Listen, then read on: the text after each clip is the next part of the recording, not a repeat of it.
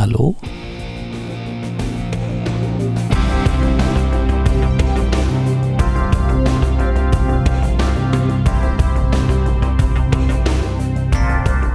Varmt välkomna ska ni vara till det 28 avsnittet av Sveriges bästa musikpodcast Stulet Gods, där jag, Anders Hesselbom, sitter tillsammans med Henrik Andersson och över en cola dömer ut folk som har försökt att få en hit med musik som de faktiskt har snott ifrån någon annan. Ja, vi säger precis vad vi vill. Ja, vi säger precis vad vi vill. Kommer du ihåg Noise? Jag kommer ihåg Noise faktiskt. Frugans favorit. Ja men alltså, det här, Noise är ju ett, ett, ett, ett tidsdokument. De har ju Ja. Kommit tillbaka, men det är ju inte samma sak. Nej, han är väl inte med. Sångaren, vad heter han Mia? Sångaren i Noise? Hasse Karlsson är väl inte med? Han har väl gått bort? Ja, det stämmer utmärkt. Eh, Men, men eh, Noise är ju det här, alltså 79, 80. För mig personligen, jag var ju då sju. Ja, Liksom. man brydde sig inte om popmusik. Liksom. Nej, men de här Noise, Magnum Bonum ehm, eh, och vad heter den där? Skateboard, Ja, men precis.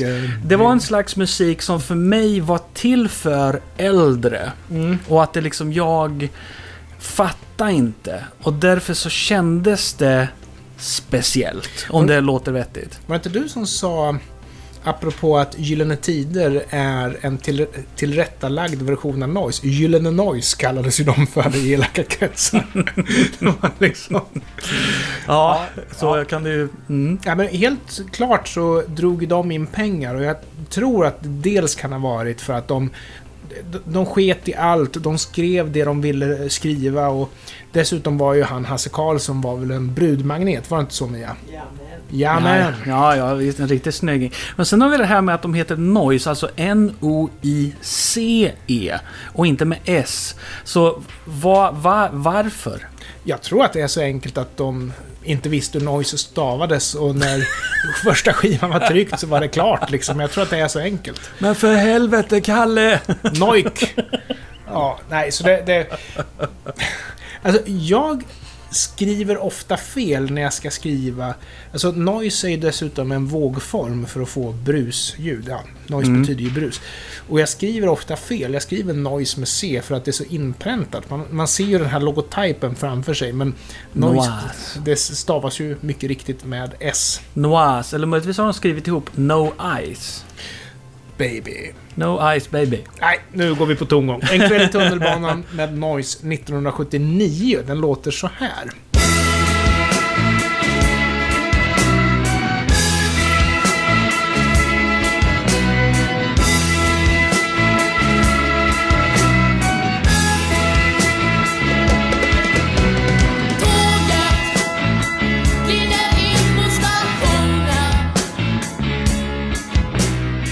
Han har ju en sån ljus röst, han låter ju som han är 14 år. Och det här... Alltså det Ja, låter han som... är väl, ja precis. Ja, precis. Men jag tänker på The Pinks när jag hör det där liksom. Ja, men The Pinks var väl kanske inte riktigt lika autonoma som Noise, utan Noise gjorde ju The sitt shit. Pinks var ju... Per Gessle skrev låtar åt The Pinks. Ja, jag tror att The Pinks var lite mer av en produkt. Alltså Noise var ju på sätt och vis en produkt de också. Men de fick ju hållas med det de ville göra. Mm. Tänkte du på kompet? Ja. Bara några år, fem år innan, så släppte Lou Reed låten Sweet Jane 1974. Den låter så här.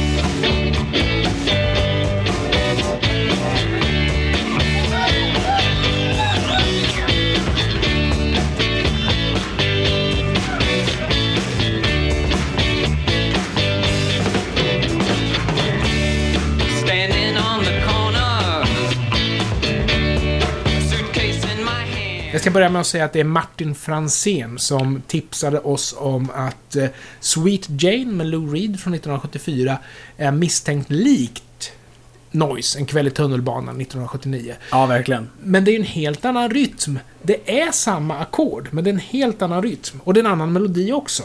Det är ju inte alls ett eh, långt... Eh, långt hopp att tro att Noise har hört Lou Reed. Nej, nej, självklart. För självklart. att eh, vi snackar Lou Reed, vi snackar Velvet Underground, jättestora på 70-talet inom liksom den här typen av bluesrock Mm. som de gör. Och absolut Noise eh, och förmodligen deras producenter Ja. känner definitivt till Lou Reed. Men om du tar, alltså, för jag tycker de här låtarna är väldigt olika. Men jag måste ju också förhålla mig till det faktum att tar du Sweet Jane-riffet och spelar det i balladtakt så är det ju en kväll i tunnelbanan-riffet. Mm. Men med det sagt så har du ju, låtarna är ju inte liksom, de är inte lika varandra för fem öre. Men det är samma riff spelat med en annan mood. Mm. Ehm, det är... Vad svårt det blev då. Ja, men frågan är om det är formstöld och att man kan bara härleda det till ett, en, ett blueskomp. Ja, men formen är ju inte stulen. Det är ju tonerna Ja. som är stulna. Formen är ju helt ny. Okej, men om vi säger så här då. Noise tog kompet Yes. och gjorde något nytt av det. Yes. Så att då är det ju okej. Och då vill jag fria. Jag friar. Jag känner igen... Eh, man, man känner igen det. Men Ja. det är samtidigt inte en... Det är inte ett lyft på det sättet. Jag hade nog inte ens hittat det här. Jag tyckte det var jättekul att få det här tipset, för jag hade inte hittat det här. Det är lite generiskt, men det känns ändå som att inte... Att Lou Reeds användande av det var först, eller mer originellt i alla fall. Olle Reed, känd för att han var sångare i ett band som heter Velvet Underground. 1970, Sweet Jane. Den låter så här.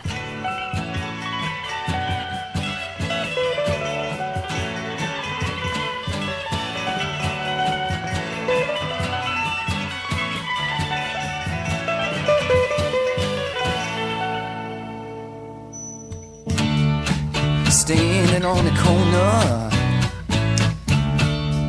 suitcase in my hand. Så vi känner igen ackorden, men det blir ännu mer olikt när man inte ens har samma tryck i instrumenten. För Sweet Jane med Lou Reed, den matar ju på ganska bra. Noise tycker jag de trycker nästan ännu mer. Alltså på, medan Velvet Underground, det här är ju originalet från 1970, de puffar mest på instrumenten. Noise är mer eh, stötig, Ja, eh, skulle jag vilja säga. Det intressanta är ju här då att eh, det är Lou Reed och sen är det Lou Reed. ja exakt. Och- Men det låter väldigt olika.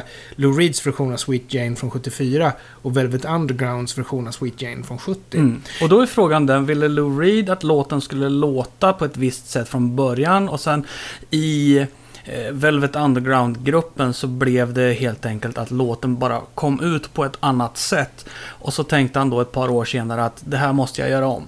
Det är svårt att säga, för anledningen till att jag tar upp The Velvet Underground här, det är för att trots att Sweet Jane är en ganska enkel låt, så har stora stjärnor stått i kö att göra covers på den. Och vi kan väl börja med det som smäller högst. Det måste väl nästan vara Mott the Hopel. De är ju kända för låten All the Young Jude. Så just det här kommer faktiskt från den skivan som David Bowie producerade med Mott the Hopel 1972. Så det här är deras version av Sweet Jane. Det ska bli intressant att se vad du tycker om soundet.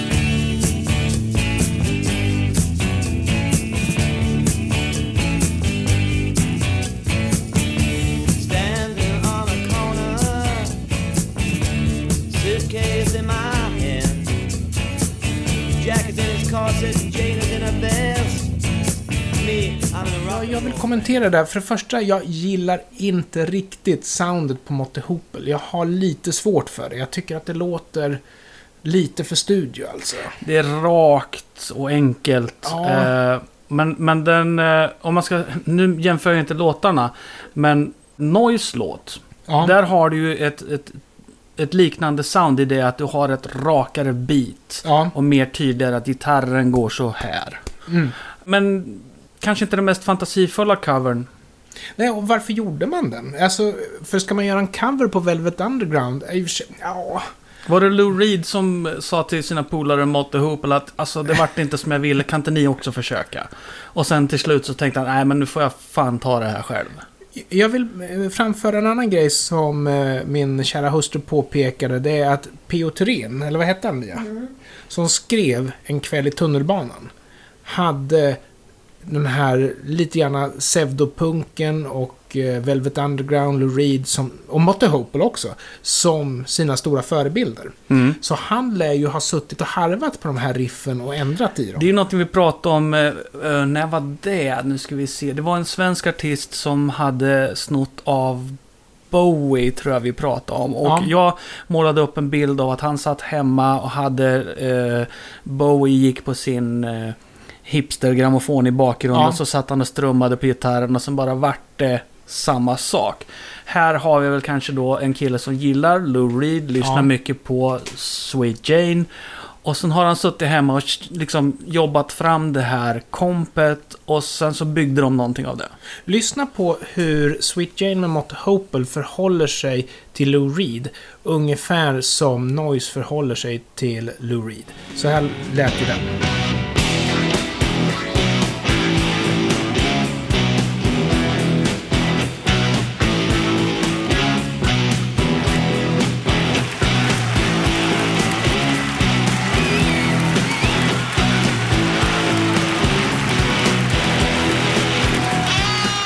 Så det där var några takter av live-versionen från Lou Reed. Och jag tycker att de, de liksom gör samma sak fast bara ytterligare ett steg. För det går ju från det lite struttiga till det lite tyngre. Och Noise gjorde det liksom ännu tyngre på något vis. Va?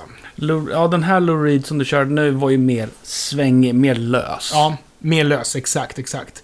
Men sen så har jag ju faktiskt en joker. Åh, jag tycker det här är så roligt. Vet du vilka Brownsville är? Aldrig hört talas om. Vet du vilka Motley Crue är? Ja! De hade på sin tredje skiva, alltså jag kommer ihåg den här tiden, för jag var ju i helt rätt ålder. De hade ju först släppt någon som heter Too Fast For Love, som egentligen var en demo som... ehm, vad hette Queens producent Mia? Roy Thomas Baker hade remixat och släppt på album eftersom demon sålde så jäkla bra.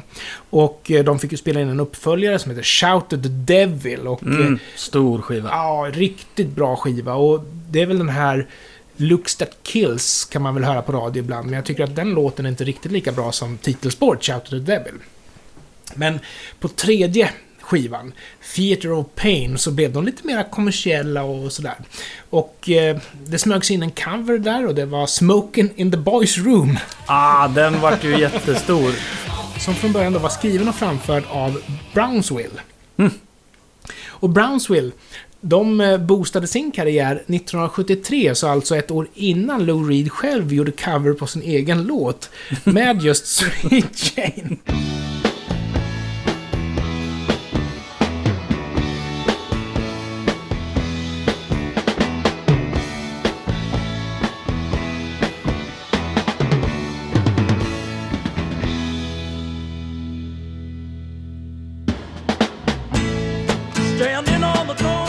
Nu höll vi inte kronologin riktigt här, men jag ville spara den här eftersom det var en sån bonus. Jag menar, Brownsville är ju fullt kapabla att skriva riktigt bra låtar själva, men även de ville göra Sweet Jane. Och dessutom så vill jag säga att, alltså vilken fantastisk sångare och för tiden ett riktigt bra sound också. Jag tror att här får vi nog... Här är låten destillerad ner liksom. Mm. Den, den är helt akustisk. I alla fall den här biten som vi hörde här. Ja, det är akustisk gitarr, Ja. in, inte odistad elgitarr. Och eh, sången och hela feelingen på den här. Jag känner ehm, nästan Creedence Ja, här. Och låten blir en... Eh, jag vet inte riktigt vad, vilket ord jag far efter här, men istället för att det blir en, en rocklåt och uh, rockblues så, så har vi här en, eh, en, en historia som berättas. en doft av kopojke. Ja, exakt. Nej, men du har helt rätt. Den, den är amerikaniserad. Du har helt rätt. Mm. Och det är intressant, alltså det här är... Det, och att den här dök upp mitt i den här smeten. För vi ska ta kronologin här. Vi har Velvet Underground 1970. Vi har Motte Hoople 1972. Sen kom Brownsville. Yes. Och sen, Sen. tänkte Lou Reed, jag är fortfarande inte nöjd. Faktiskt, Den här måste shit, göras Den här igen. ska vi köra igen. Ja, så det här är, det är intressant tycker jag. Och det här um, kompet blir ju väldigt destillerat som sagt var i Brownsvilles version. Och man hör det mycket tydligare och på det sättet så blir det mer, det låter mer simpelt. Man hör vad är kompet egentligen och då känns det lite som att är det här verkligen så originellt? Nej men det är väldigt, väldigt cleant och väldigt välgjort. Mm. Absolut, absolut. Intressant, definitivt. Jag kan inte ge så mycket cred till The Velvet Underground för att de skrev låten. Och eh, personen i Velvet Underground som skrev låten råkar vara just Lou Reed. Men du, är du bekant med den här reklamfilmen för Volvo? När eh, de susar fram i mörka landskap och sen så är det en eh, tjej som lite svagt i bakgrunden sjunger Queens gamla hit I want to break free. Väldigt sprött. Ja, jag känner faktiskt till den och när jag eh, såg den reklamfilmen så tänkte jag hmm, den här vill jag nog höra hela. Ja, så jag Och- tänkte jag tar en annan del av, av låten än den som hörs i reklamfilmen. För du kanske undrar om det händer någonting i låten? Eh, det kan man ställa sig den frågan. Svaret är nej. Nej. Och det var också därför när jag väl lyssnade på låten tänkte att... Ja, så du har lyssnat? Ja, jag lyssnade ju på hela låten och då så insåg jag att nej, det här var det ju inte mycket med. Eh, vi kan ta den. Det som förvånar mig var att den från, var från 2017. Så det betyder att den är ju alltså inte specialskriven utan Russian Red har, som artisten heter, har gjort en, en cover på I want to break free. Och Volvo har tyckt att den här passar bra. Några takter från 2017.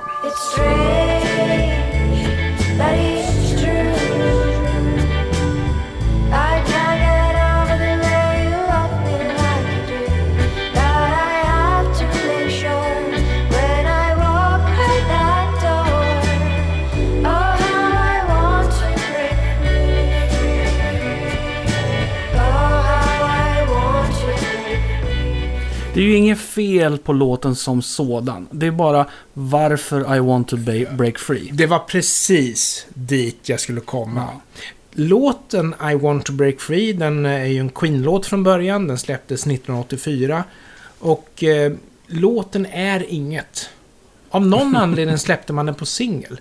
Men det absolut enda som gör att någon överhuvudtaget vill lyssna på I want to break free är ju att det är en fantastiskt skicklig sångare som sjunger, Freddie Mercury.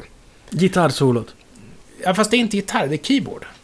Det är den det är, precis. Jag, jag vet att jag fick upp en annan, en- ett annat sound i huvudet Ja. där. Eh, Men keyboardsolot är jäkligt kul. Jag har ju en inofficiell eh, topplista som jag eh, Ja. har. Det är nämligen eh, 80-talets bästa syntsolon. Ja. Och den ena är ju I want to break free med.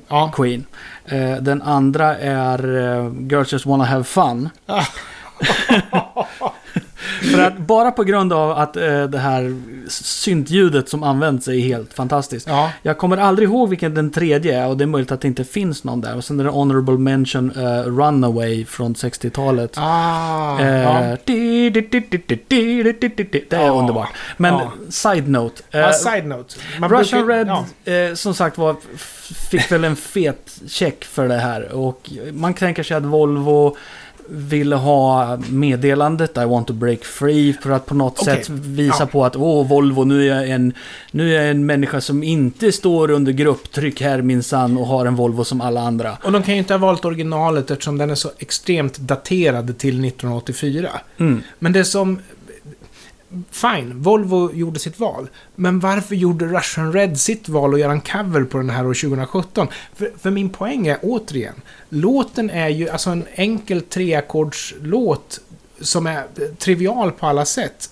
Den är inte intressant. Nej. Det enda som gör att den har ett existensberättigande är att den är skickligt framförd på sången. Och det Russian Red eh, har gjort är att skala ner den. Så att man bara hör liksom tonerna hon sjunger och ackorden som ligger bakom. Och vad blir då kvar? Ingenting. Säg att Russian Red har hållit på i tio år. Ja. De harvar, de gör sina låtar, alla som hör dem tycker de är väldigt bra, de får inga hits, ingenting. De tänker okej, vi gör en cover, nu Mm. blir vi upptäckta, nu kommer allting Ja. att gå bra. Eh, det hjälpte uppenbarligen inte, för ingen har ju fortfarande hört talas om Russian Red. De fick vara med i en Volvo-reklam. Men då kommer vi tillbaka till min den här frågan som jag ställer våra lyssnare. Kan man som Ah. artist eller band bli känd med en cover och sen fortsätta ha en karriär med hits? Bra. Och i Russian Reds fall, no. Gick inte. Det gick sådär. Gick sådär. Kom ihåg att det här var 2017, så det har ju runnit en del vatten under broarna sen Mm. sist. Mm. Nej men alltså, om man nu tänker att, ja men, nu ska jag göra en intressant cover på Queen. Varför gör man inte The Prophet Song då? Eller varför gör man inte March of the Black Queen då? Varför gör man I Want to Break Free som är något av det mest triviala... Vi lyssnar. För folk ska kunna sjunga med. Folk ska kunna sjunga med. Men då om man ska sjunga med, alltså... Det Ja. drönar med i det här fallet. Tänk dig så här, en, eh, 10 000 pers står på en stor festival framför scenen och Russian Red framför det där. Och Ja. sen hela publiken står och halvsover och bara... Publiken kommer att vakna upp och så kommer alla som står i publiken tänka Jag är Freddie Mercury. så här låter originalet.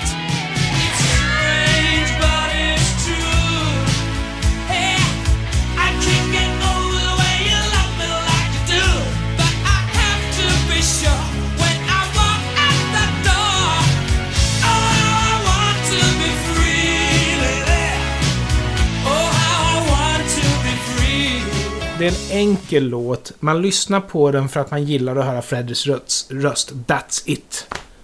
Det är en trummaskin också va? Eh, jag vet inte på den här... Det skulle inte förvåna mig om det här är en Lindrum, om jag ska vara helt ärlig. Ja, för, det, för, för eh, trumljuden är väldigt... eh, Väldigt lik Radio Gaga, och Radio Gaga är en Lindrum. Så det kan faktiskt vara en Lindrum här mm, också. Visst, virveln där är ju väldigt klafsig och den. Ja, den är väldigt lätt igenkänningsbar, om man säger så. Lätt igenkänd heter det. Lätt igenkänningsbar. Ja. ja, Det, det låter Lindrum. Så, så jag skulle ju... Och om jag ska vara lite elak mot Russian Red. Det lilla intresse som fanns, det lyckades de klä av den. Men då å andra sidan, Volvo tyckte det här var... Det här var the shit, liksom. mm. Men de har blåst den här royalty-checken redan så att jag... Ja. Jag skulle ha gjort en eh, ny mix av I want to break free, där jag kanske bara drar ner trummor och synt och bas och lägger på stråkar istället. Det hade jag gjort. Absolut, så, det tycker jag är fantastiskt mycket mer, skulle vara mycket mer intressant. Att Ja. gå tillbaka till mastertapen för I want to break free, eller egentligen valfri Queen-låt. Ja, Och bara maska bort olika delar och se Ja. vad som händer. Du, du har väl sett, det finns ju en, en, en dokumentär om just ehm, Bohemian Rhapsody. ja, Där de sitter vid mixerbordet och har mastern för låten och kan köra de olika spåren separat från varandra. Och man hör de mest fantastiska saker i de enstaka små spåren. Och Mm. man skulle kunna göra, ta hela Bohemian Rhapsody och bara maska bort olika delar och få som en helt ny låt som skulle vara minst lika intressant och fantastisk. Och Ja. helt säkerligen möjligt att göra med en låt som I want to break free.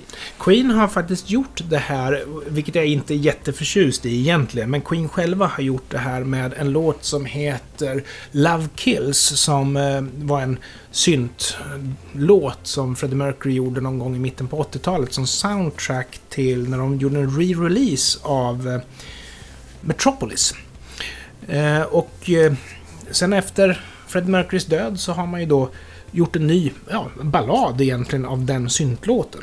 Så det finns någonting som heter Love Kills Ballad Version som, man, eh, Mm. som Queen har släppt nu. Jag är inte jätteförtjust i att man liksom skändar hans lik på det här sättet, men det visar ju å andra sidan att det går att göra precis sådär. Att man drar ner alla kanaler som innehåller trummor och bas och, och blipp och blopp och sen så lägger man på lite snygga stråkar och lite... Så blir det väldigt vackert. Det var lite vanligare på 80-talet att man gjorde så kallade dub versions. Där, de, där man maskade Mm. av olika saker. Jag vet den första skivan jag köpte för mina egna pengar var nämligen maxi-singeln till Ghostbusters. Ah! Eh, 80 kronor på Ja. Åhléns skivavdelning. Shit. Ja, det var dyrt. Det Ja. var svindyrt, men fan vad jag älskar den låten. Ja. Och på B-sidan på den maxi-singeln så har du ju då Ghostbusters i en dub version. Ja. Och den börjar ju med bara eh, trummorna och ackordet från synten. Och så den har mera avskalat så, så bygger de Nice. upp och eh, jag tror sången bara dyker upp lite sporadiskt och så. Och där, det är ju underbart tycker jag att Mm. kunna få höra en låt i, i de här alternativa versionerna och, och känna Mm. ändå att eh, man lägger ner mycket arbete på att göra en låt och sen så kanske de tänker som de sitter i mixerbåset där att fan det är mycket av det här som vi arbetar med i, i vad ska man säga, det undre lagret av en låt som vi skulle vilja framhäva men det funkar inte i, i det formatet av en singel. Mm. Så då gör man så här. Och det, det Ja, det är så kul att du tar upp det här, för Det är inte som om den originalversionen försvinner bara för att man gör en ytterligare version av en låt. eh, jag, jag vill stanna på Queen en liten stund till. Mm. Eh, I eh, filmen som heter just Bohemian Rhapsody så avslutar man med en nymixad version av Don't Stop Me Now. Mm. Och backar vi bara några år så släppte faktiskt Queen någonting som heter Stem Files till Don't Stop Me Now. Mm. Och Stem Files det betyder att man har mixat ner det. Men man har kvar en viss kanalseparation. Så all sång är liksom färdigmixad och ligger på ett spår. Eh, Basen är färdigmixad och ligger på en annan och så vidare och så vidare. Så den är liksom inte 24 kanaler, den är kanske 8 kanaler och Nej, trummorna kanske i själva verket ligger på 6-8 kanaler, Ja. men då har du fått alltihopa i en, Ja. ett och samma spår. Precis, och stamfilerna. Och det är liksom det man absolut minst behöver för att kunna remixa någonting. Mm. Jag gjorde en remix, men eh, sen så, jag vet inte om jag slarvade eller om jag fick ont om disk, men jag raderade stamfilerna sen. Hmm. Men, men av en god vän så fick jag faktiskt stamfilerna för Bohemian Rhapsody. Ah, spännande. Och eh, den var betydligt fler kanaler, för då hade man liksom... Eh, pukorna låg på en, virveltrumman på en, hi-hat Mm. och cymbaler på en. Sen så alla körer på en och så leadsången på en och så vidare. Så det var ganska många kanaler, men den har jag kvar. Eh, fick även någon David Bowie eh, stamfil där också. Jag Det har, ska bli faktiskt en hel, jag har faktiskt en hel del sådana här stamfiler som Ja. jag lyckas hitta på internet. Eh, Madonnas Into the Groove till exempel. Åh, den, vad coolt. Och det var nog ett 20-tal olika filer. För Och den var så många. väldigt uppdelad.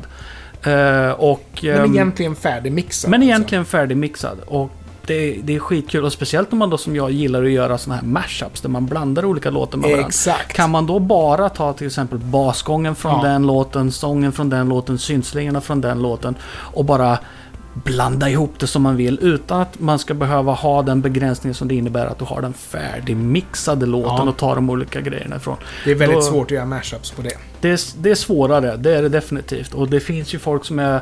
Jag är ju inte särskilt talangfull på det sättet, men folk som är riktigt jäkla talangfulla när det gäller Ja. mashups, de stoppar ju in hur många låtar som helst ihop med varandra. Det gäller ju bara att man hittar att de är i rätt tonläge, eller åtminstone i rätt... Eh, man måste- kan ju skifta det lite grann, men du kan Ja. ju inte lägga dur och moll hur som helst och så vidare. Nej, men om du har ett eh, C-dur och sen så ett E-moll, då skulle du ju kunna ha liksom ett G-dur och ett B-moll och sen så kan du transponera så passar det ihop alldeles utmärkt. Mm. Men Det beror på det vilka sagt- utsvävningar man gör i en låt, men ja. Ja, absolut, absolut. Det måste vara vissa likheter. Hade jag varit Volvo så hade jag nog mixat om originalversionen I Want to Break Free. För jag tycker att Freddie Mercury har kvaliteter som inte Russian Red har. Ja, Volvo lär ju dessutom ha haft pengarna att kunna göra det. Ja, fy fasiken. Och jag tycker också att just låten I Want to Break Free är inte en intressant låt, utan det enda som bär upp den är Freddie Mercury. Så, Det kommer att bli mer både stulen musik och covers om en vecka. jo då. Vad är vi på? 28 avsnitt, Henrik? Det här var 28 avsnittet. Det är helt underbart är det faktiskt. Och dessutom så sinar ju inte materialet utan det här är ju bara att rulla vidare. Jag och våra lyssnare är ganska duktiga på att höra av sig och eh, vi får snart lägga en brasklapp att vi inte kan lova att allt kommer med. Men vi är oerhört tacksamma och vi läser självklart alla kommentarer. Och, så sitter ni på låtstöld, hör av er. Och eh, det är väl bäst att köra via Twitter. Snabela A. Hesselbom för mig. Snabela Camouflage underscore för Henrik och det stavas så här. C-O-M-M O-F-L-A-G-E underscore. Och eh, där kommer information där, eller kommit eh, förslag via den Twitter-kanalen så att då kan man anta att jag lyckas stava det korrekt i programmet. Ja, jag har faktiskt sett det. Jag har klippt och klistrat kommentarer som har kommit även till dig som jag har råkat se. Så missar jag det så får jag Henrik ta ansvar där. Men eh, stort tack för att ni lyssnade och stort tack Henrik för att du ville sitta här och tjata musik med mig. Ja, men du bjuder ju på Coca-Cola. Vi hörs om en vecka. Ja, Hej! hej hej!